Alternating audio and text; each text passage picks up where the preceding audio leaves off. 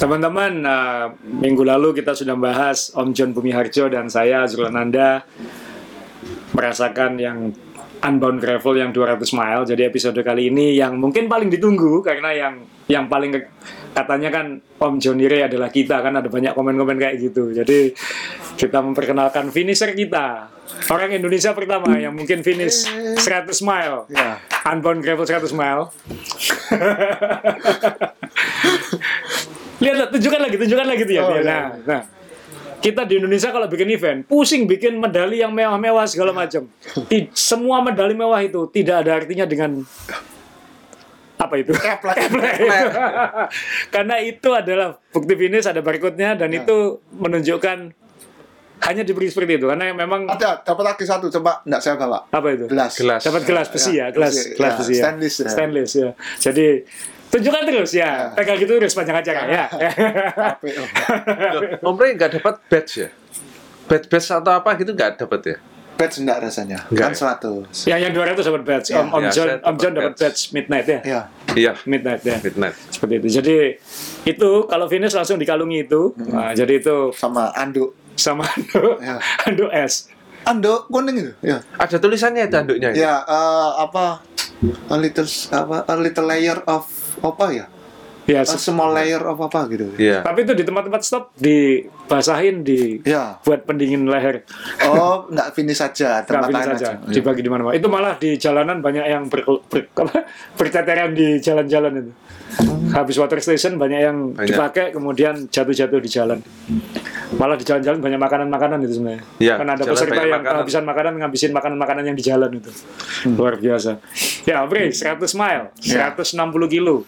Iya. Lebih kan? Lebih 169 169 ya. Ya. 169 kilo. Jadi bedanya yang dengan 200 mile, 200 mile start jam 6 pagi, pesertanya 1100 orang. Yang 100 mile itu start jam 7 pagi, satu jam kemudian Ya. ke eh, 900-an orang, hampir 1000 orang. Eh, rutenya sama sampai mil 30, kemudian beda rute. Ya. Tapi Om Ray hanya satu pit stop, hanya satu pit stop di mil 55 ya, di Council Grove. Dan itu pit stop terakhirnya yang 200 mile, yang saya nggak sampai ke sana. Ya. Om John yang sampai ke sana. Jadi gimana? Waktu kalau lihat foto statnya kayaknya kayak setengah-setengah nggak mood gitu. Ya bukan nggak mood ya, karena ini kan ya waktu itu kan kita nggak tahu itu medannya seperti apa. Ya maksudnya dunianya ini gimana? Karena saya berpikir itu simpelnya kenapa begitu banyak orang yang secara tampilan itu sudah apa sudah kawak bersepeda kok nggak finish gitu? Walaupun 100 walaupun 200 itu kan horor. Jadi saya nggak nggak nggak capek-capek lihat eh, detail teknikalnya yang berapa kilonya apanya.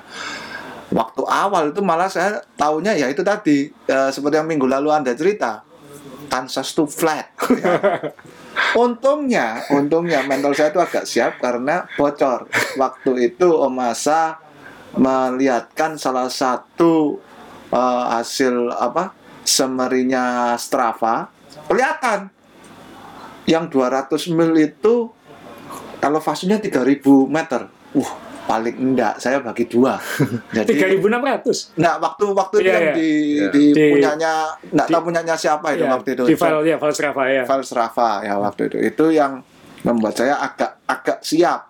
Yang saya enggak siap ya jenis jalannya itu ya gimana ya kalau bisa bertahap saya bilang itu eh, 30 km pertama itu saya cukup pede karena rombongan belakang tuh saya tempel. Wah saya masih nyelip lagi. Wah saya mau ngejar yang depan. Tapi saya ingat eh, apa race director saya. Wah, itu Bryce Gordon tuh Bryce bilang Gordon, ya. itu mulai aja dari belakang pelan-pelan dia bilang gitu. Ya sudah saya enggak enggak berani karena jaraknya lumayan ada 100 meteran. Ah, Om John kan juga bilang itu kalau kamu kejar wattmu dan tenagamu pasti habis banyak tapi waktu itu masih pede wah tuh bisa tak kejar gitu. itu itu Jadi- kesalahan saya juga. Saya Nah, nangkep jadi- dia. jadi jadi ada yang panas nyelip gitu ya saya ikut itu bisa wah kudir 30 km kudir wah bisa terus Chips Ahoy Power ya. Oh iya, ini sudah. Jadi, nah, ketika masuk kira-kira kilometer, kalau secara kilometer itu 40, itu baru mulai kok rasanya, nah ini tembus gimana ya? Sudah mulai ngeresok-ngesok gitu ya, serok, serok, serok gitu jalannya, sudah mulai berat. Jadi kalau ada orang nyelip, kalau awalnya kan kita ngikut di belakang gitu bisa ini sudah nggak bisa. Jadi effortnya tuh dia kelihatan pelan kita lebih pelan gitu. Lama-lama jauh. Lama-lama uh ini kok berat sekali. Terus sampai di medan yang di mana eh, bisa kelihatan tuh batunya lebih besar antara turun dan naik. Terus eh, apa ketika turun kita juga harus sangat hati-hati karena bisa keprosok atau apa bisa ganti-ganti jalur karena bannya itu natap-natap batu sampai liar gitu. Dan semuanya pada bingung karena kalau salah pasti nobruk jadi eh, yang menurut saya setelah kilometer 40 itu saya berkata dalam hati kalau saya ini soro, teman saya yang dua itu dua kali lebih soro. Nah, itu itu anu saya, itu prinsip saya begitu. ya. penghiburan, penghiburan. Waduh, ini saya, saya ya kamu soro, maksudnya saya sendiri susah, suffering, tapi teman saya yang dua itu dua kali lebih soro karena pasti masih 200 mil kan gitu loh. Jadi eh, apa eh, saya saya teruskan. Lalu se- setelah itu ah, sudah itu sudah mulai bertahan hidup ya. Ah, sudah mulai jalannya itu eh, naik. Saya pikir gini, naik kok kok naiknya ini kelihatan kan kayak apa ya? Nah, Kayak kita di Gurun Sahara gitu Iya, ya. jadi kan Kelihatan naik gitu. naik Nah, gini. roller coaster ya. Ya, betul. Masalahnya ketika kita sudah di ujung gunung yang maksudnya tanjakan yang ketiga itu mindset kita kan oh ini turun. Enggak, ketika sampai di sana kan sebelah sananya gitu lagi. Gini lagi terus, gitu terus enggak ada habisnya. Nah, Itu wah dari dari PD dari PD maksudnya saya bisa nyelepin banyak orang di tanjakan sampai habis. Sampai sampai sampai eh, terlalu capek. Jadi sampai akhirnya ada beberapa tanjakan itu tapi saya terhibur karena ada beberapa tanjakan itu sudah ada orang nyurung orangnya besar gitu kelihatan kuat tapi nyurung wah cemen pikir saya. Wah, jadi Om Rey salib ya? saya salib tapi saya langsung minder. Kenapa? karena ada cewek itu tanya hey eh, maksudnya dalam bahasa Inggris kamu kok sudah nyurung? gitu. Kenapa? Ditanya baik-baik gitu. Yes because I'm doing XL double. Jadi, jadi, jadi yang dorong itu bukan 100 mil ya? bukan.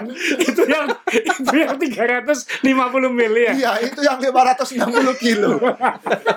Jadi ya maaf ya yang yang cewek itu untuk menghormati maksudnya menghormati dia tuh mesum-mesum wah you are fucking waru jadi maksudnya dalam arti wah kamu tuh hebat.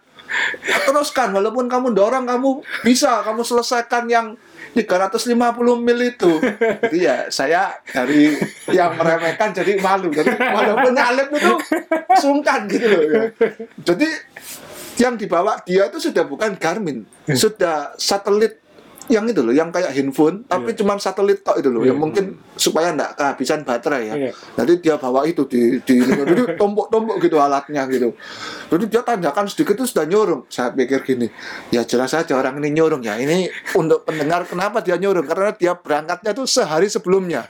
Jam 3 sore sehari sebelumnya. hari sebelumnya. Jadi dia itu ya mungkin ya sudah melekan hampir ya berapa belas Malamnya jam nggak ya. tidur ya, malamnya nggak goes tidur belasan jam ya. ya belasan jam gitu Babung beneran terus, itu. ya terus ketemu saya kan gitu jadi saya sudah bangga wah badannya kayak atlet kayak gini wah ternyata dia 560 kilo langsung saya ciut lagi ya pantas lah dia kayak gitu ya Om Ri, ini waktu bisa pertama. Saya saya ingat Om John cerita waktu itu. Karena kita waktu di preview itu kan kita sempat bikin perhitungan kan. Iya. Karena Bryce Gordon, nah, race director kita itu, Iya. dia kan menghitung. Eh. Kalau kalau Om John aman. Kalau Iya. saya lambat, Anda cepat, Anda kacau. Iya. Anda bisa nggak bisa dibantu. ya Kalau saya cepat, Anda lambat, Anda selamat. Tapi Ah. waktu itu kan Om John lewat 4 jam, saya 4 Iya. jam setengah. Ya. Dan kita nggak tahu kamu seperti apa. Dan saya ingat Om John waktu itu kamu ngomong apa? Waktu kamu sampai kamu Jadi waktu saya pit stop satu, saya kan hitung wah 4 jam 15. Berarti Om 4 jam Asrul 12 kamu. Iya, kan deket situ. Om Asrul paling enggak saya mikir wah ini paling 4 jam setengah bisa lebih. Terus jadi saya tanya sama Bres, Bres, Mr. Ray definitely screwed? Bres bilang, yes, correct. ya ya sekarang gini ini ini saya anda sudah mengasih intro sebenarnya saya mau bahas ke sini Iya.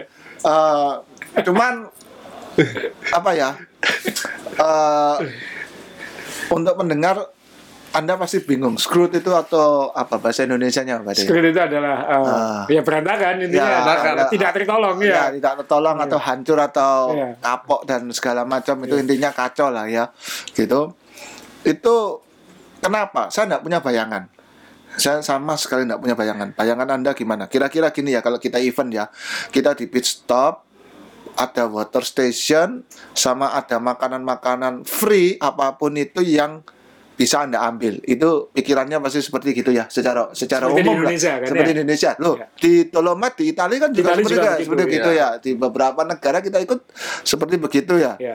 tidak terjadi Terjadi. jadi gini finishnya waktu pit stopnya yang di eh, Council Grove. Council Grove itu kan masuk di jalur sepeda ya bagus teduh gitu Iya.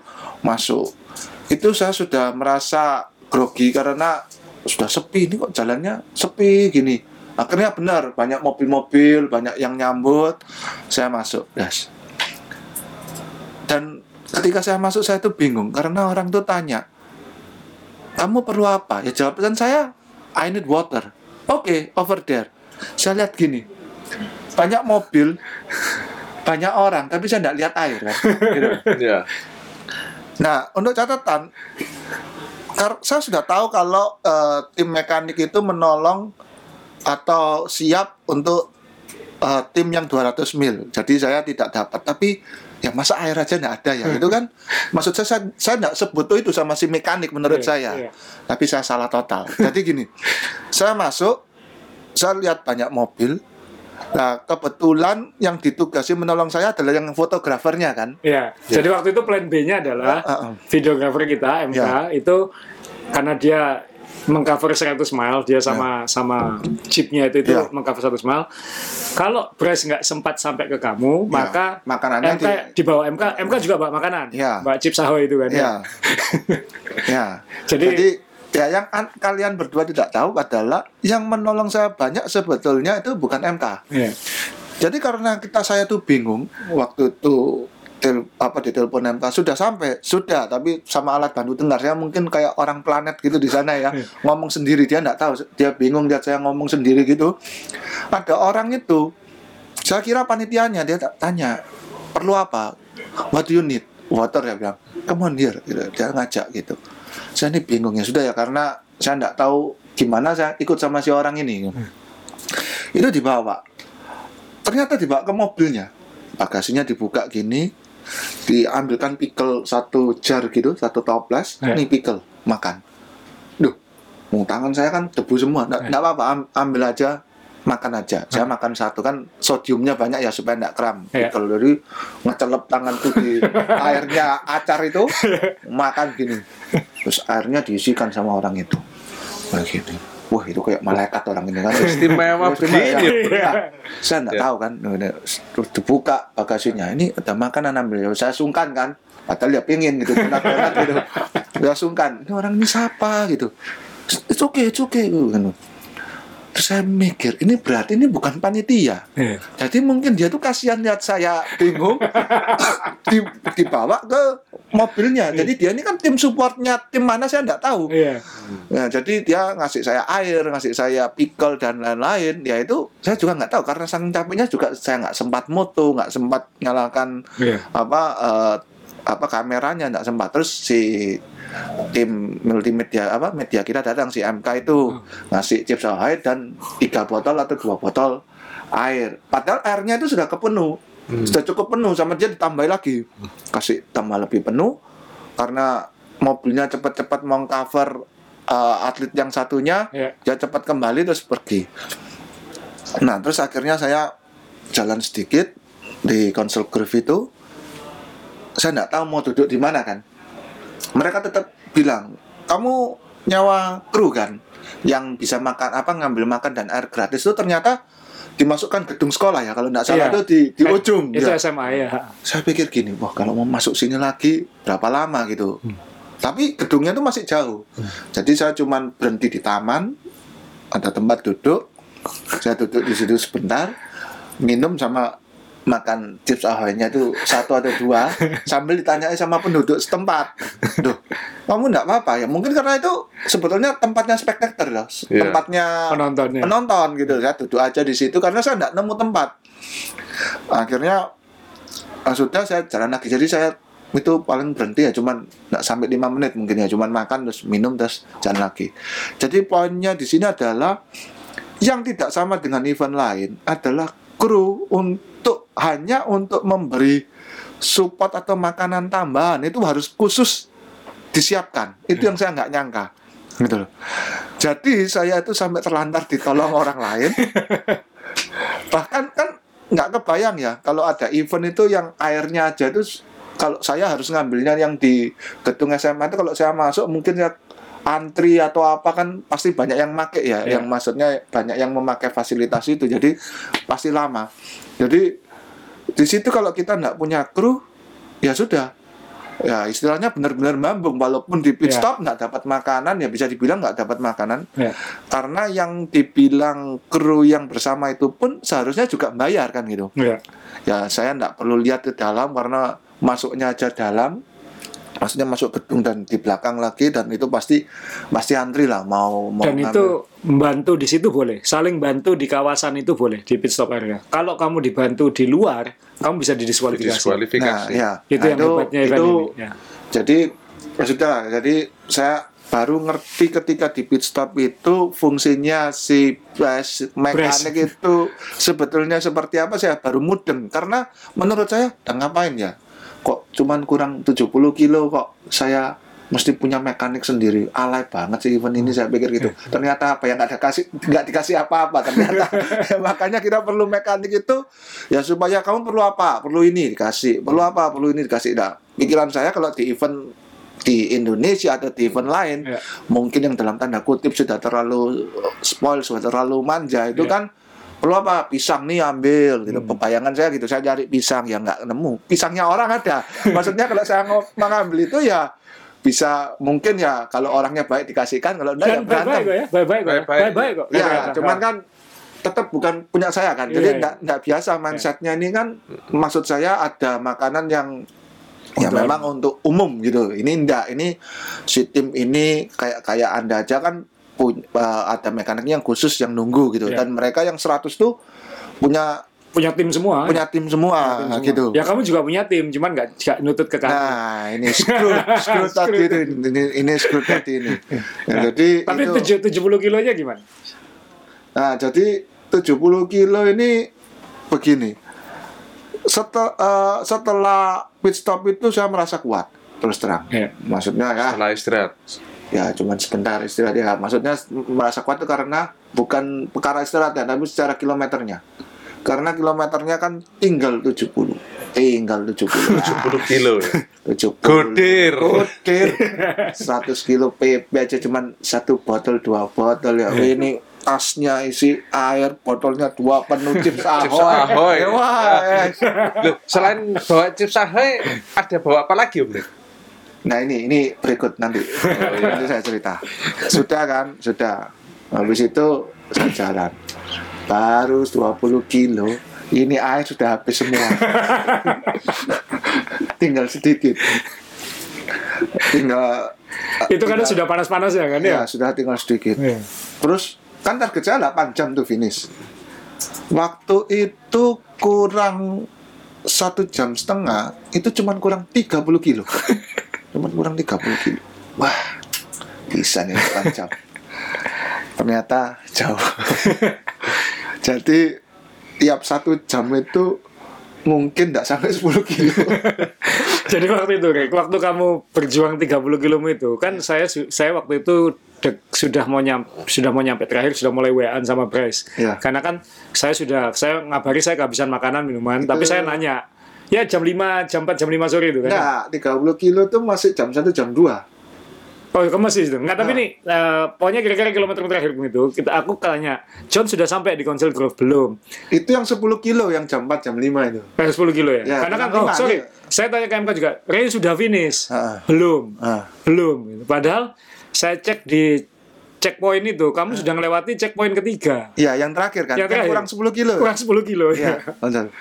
Jadi ya ini saya, lanjutkan dikit. Jadi sudah eh setelah itu saya jalan, saya lihat ada orang tuh nolong. Wah, ngasih ngasih air, pakai mobil ini. Yang pertama pakai mobil, pakai pakai mobil ngasih ngasih air. Wih, katanya oh, masa kasih di pinggir diskualifikasi. Ah persetan daripada mati saya pikir. Ya sudah saya minggir aja. Banyak yang minggir. Bule-bule itu juga minggir minta air. Wah orangnya baik. Duh, ini minum minum. Anu, apa botolnya saya saya isi kan, diisikan. gitu. Netral kan itu? Iya, netral, netral, kan ya, ya. Selama netral. dia netral bukan krumu nggak apa-apa. Nah, terus habis itu sudah diisikan. Terus dia dulu, wah ini kamu perlu bawa lagi satu botol. Ini sudah lagi minum gini.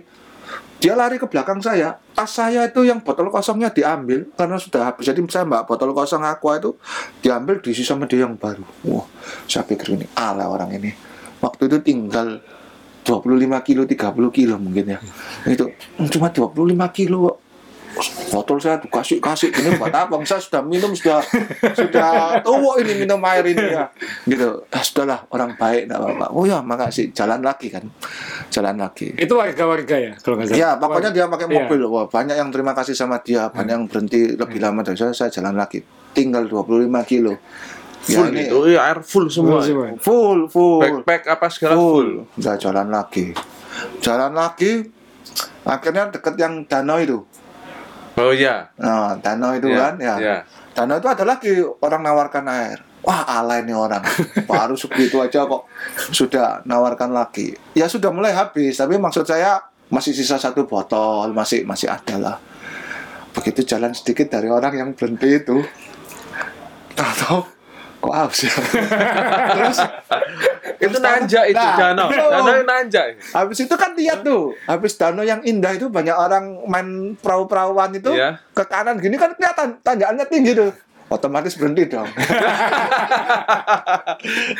itu tajam panjang gitu Iya, akhirnya saya Panjang. berhenti. Saya berhenti, saya periksa tas saya, uh, bekal saya sudah habis. yang namanya blocks, yang kotak-kotak gel itu, wah, apa, wah, gel-gel saya itu habis semua di tas itu. saya nyesel, tahu gitu masa mundur 100 meteran tuh gengsi ya. Masa mau minta lagi airnya itu tadi sudah gini-gini nggak mau gitu. Ya sudahlah, saya nekat aja ah, kurang sekitar masih cuman 20 kilo 15 kilo waktu itu sudahlah ya danau itu kan sudah tinggi toh Iya. paling tanjakan ini aja terus habis itu turun kan kan kelihatan cuman itu aja ya setelah saya lewat itu. Sudah uh, tanjakannya berat banget panjang kan itu. Iya, tapi saya nggak nuntut Itu ya, itu yang, itu yang 16 persen itu. ya? wah itu Iya. persenannya sudah Ya, nggak ya, lihat ini. pokoknya sebelahnya dana tuh. Sudah lewat tuh terus Ya, orangnya panjang. di situ ngasih semangat. Wah a- a- apa? After this isi. Wah gitu. Wah seneng saya. Jalan. Terus ada tulisan kan di pinggir.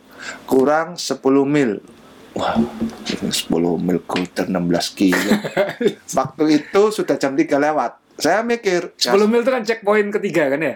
Checkpointmu yang ketiga ya? rasanya Kurang 10 mil ya, ya. kurang se- apa, 10 mil wah skuter berarti ya saya luput-luput satu jam lah ya Ya. 10 mil aja kok gitu Ketika saya lewat 10 mil itu saya berhenti kaki saya sudah capek lantarnya Iya.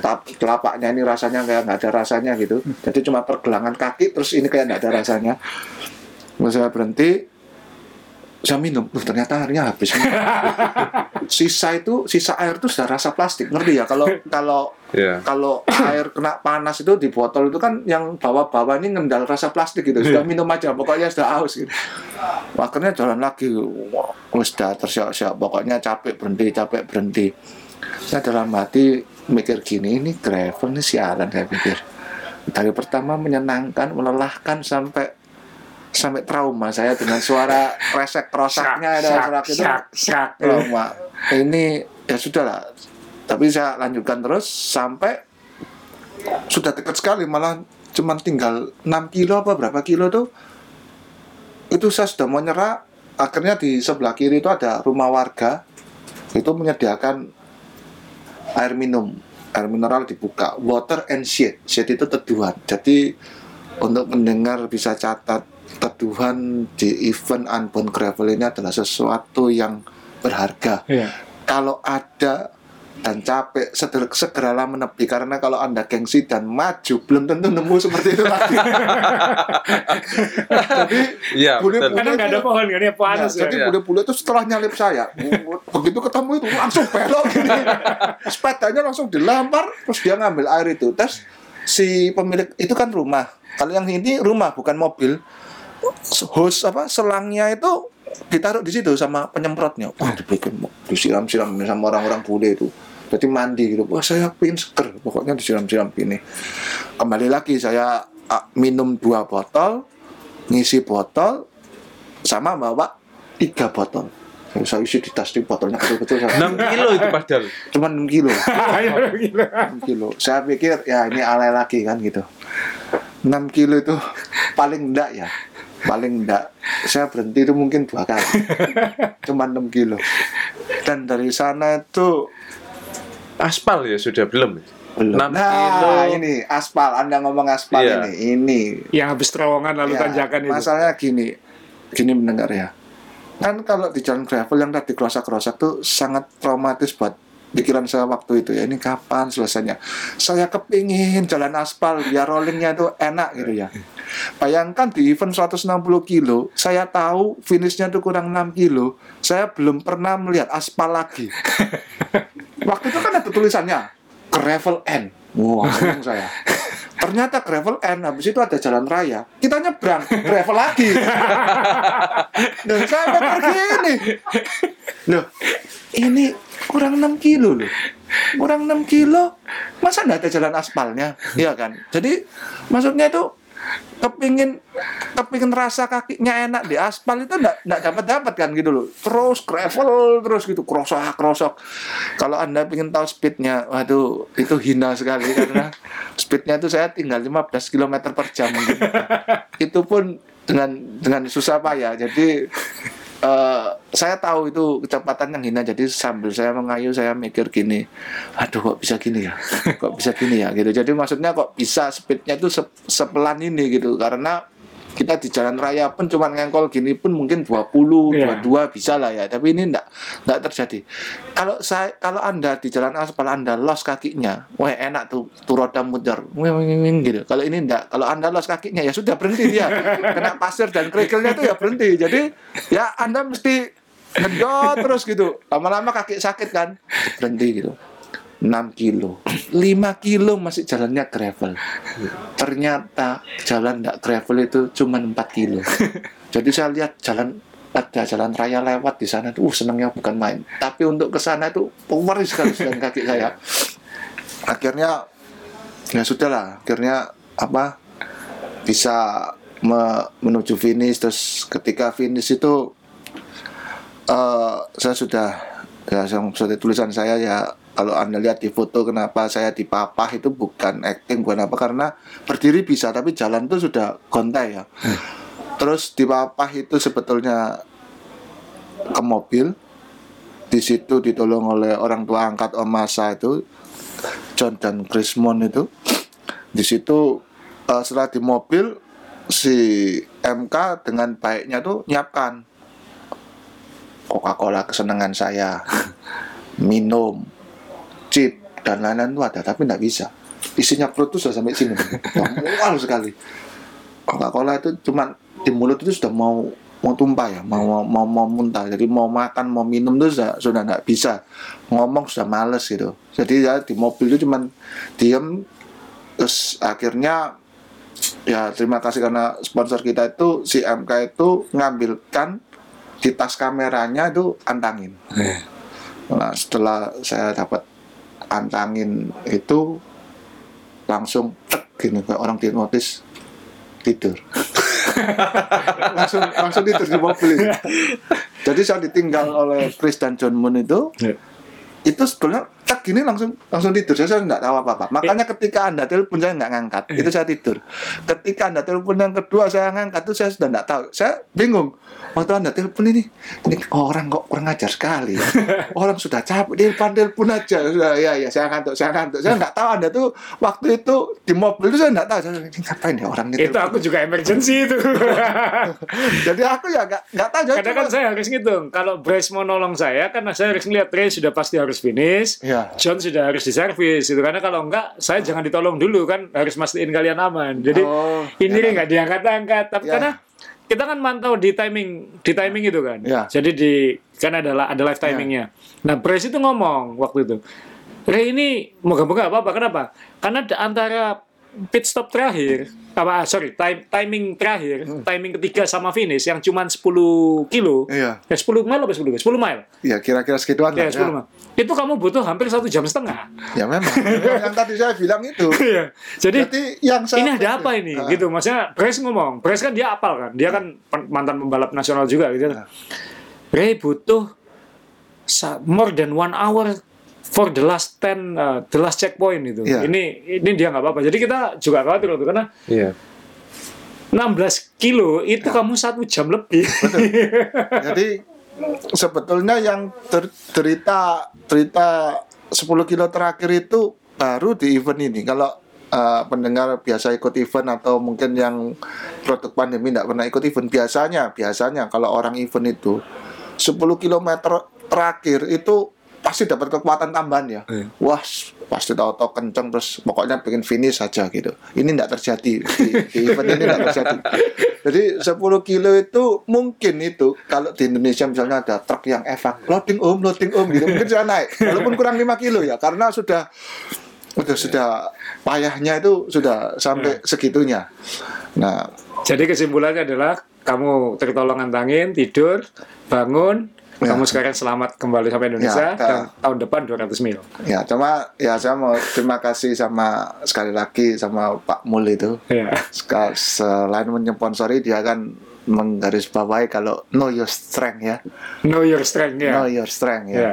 Karena tahu saya strength saya, saya ikut yang 100. gitu. Kalau saya maksa yang 200 ya, Ya, kayak- nasibnya Kayak saya. lebih parah. lebih parah mungkin, lebih parah, pasti lebih parah. Jadi ya gitu. Cuman yang ingin saya garis bawahi bukan detail bagaimana saya finish atau apa. Tapi kalau kenapa kita itu sekarang eh, apa ya euforia gravel itu kalau saya eh, saya pribadi lebih ke arah semangatnya. Karena ya seperti om-om lihat itu kan di gravel itu sepedanya aneka ragam. Ya. Mau sepeda besi, titan, eh, Aluminium. karbon, kal- alloy, Ya. itu campur bau. Speednya juga acak kadrut ya, campur-campur gitu. Iya. Masuk ada yang cepat, ada yang enggak dan dan secara outfit ya macam-macam. Ada yang pakai kayak baju seperti kita Iya. gitu ya, yang apa press fit, yang dengan kantong tiga, ada yang loose dengan celana pendek biasa. Ah, bentuk tubuh ada yang kayak huruf O, ada yang lurus, ada yang tekuk gini, wah macam-macam gitu. Itu itu terjadi semua dan Ya. dan Ya. jadi dan eh, ketika kita di yang pertama red pertama itu ya kita tahu yang apa yang membawa guide itu kan orangnya juga kayak bunder gitu dan dia sudah mengakui sendiri kalau kita harus menghormati Ya. eh, bentuk-bentuk badan aneka ragam dan dia bilang yang di situ yang terutama komunitasnya kita harus menyapa Ya. orang-orang yang di sekitar ini bukan yang pada waktu hari itu bukan race tapi siapalah yang Ya. di sekitar Dan itu memang sebelum ketemu kita pasti nyapa-nyapa ya.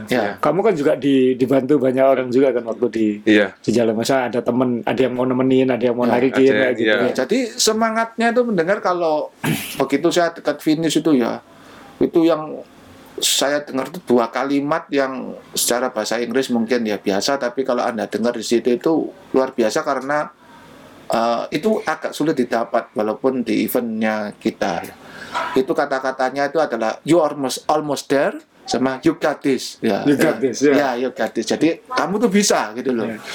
jadi sepanjang jalan itu orang akan menyemang- menyemangati untuk bisa, untuk bisa. Dan ketika finish, saya nggak kenal tuh siapa yang jelas bule ya saya nggak kenal ya. Udah ditos gitu. Wah, you got this gitu. Waduh, saya kayak kayak atlet finish apa aja gitu ya. Jadi ketemu orang di jalan tuh kayak wah, kucap men, wah gitu. Wah. Jadi beda sama di sini om ya. Kalau di sini udah loading aja, ngapain soro-soro. Di sini Gini kan ada ojek seratus ribu, bantu apa gitu. Ya, jadi, jadi- beda banget Ya, mentalitasnya. jadi eh, apa ya euforia untuk Saling menyemangati itu. saling menyemangati, tidak peduli.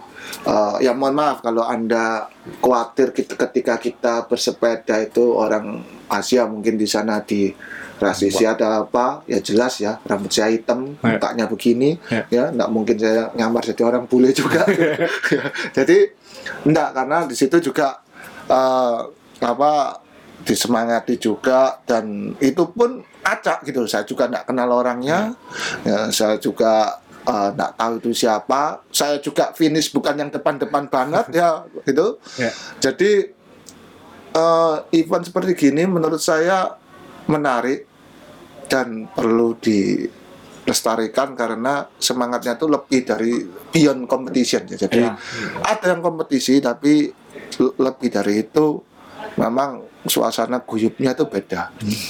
Uh, sebagai contoh gini, kalau anda kepingin orang seperti apa Asril yang dalam menurut menurut kita kita tuh maaf ya gila bersepeda apa di sana tuh punya teman banyak banyak paling enggak ada 120 berapa yang ikut XL itu berapa? Oh, ya, 100, 120-an ya. ya, Ya. 120-an orang apa?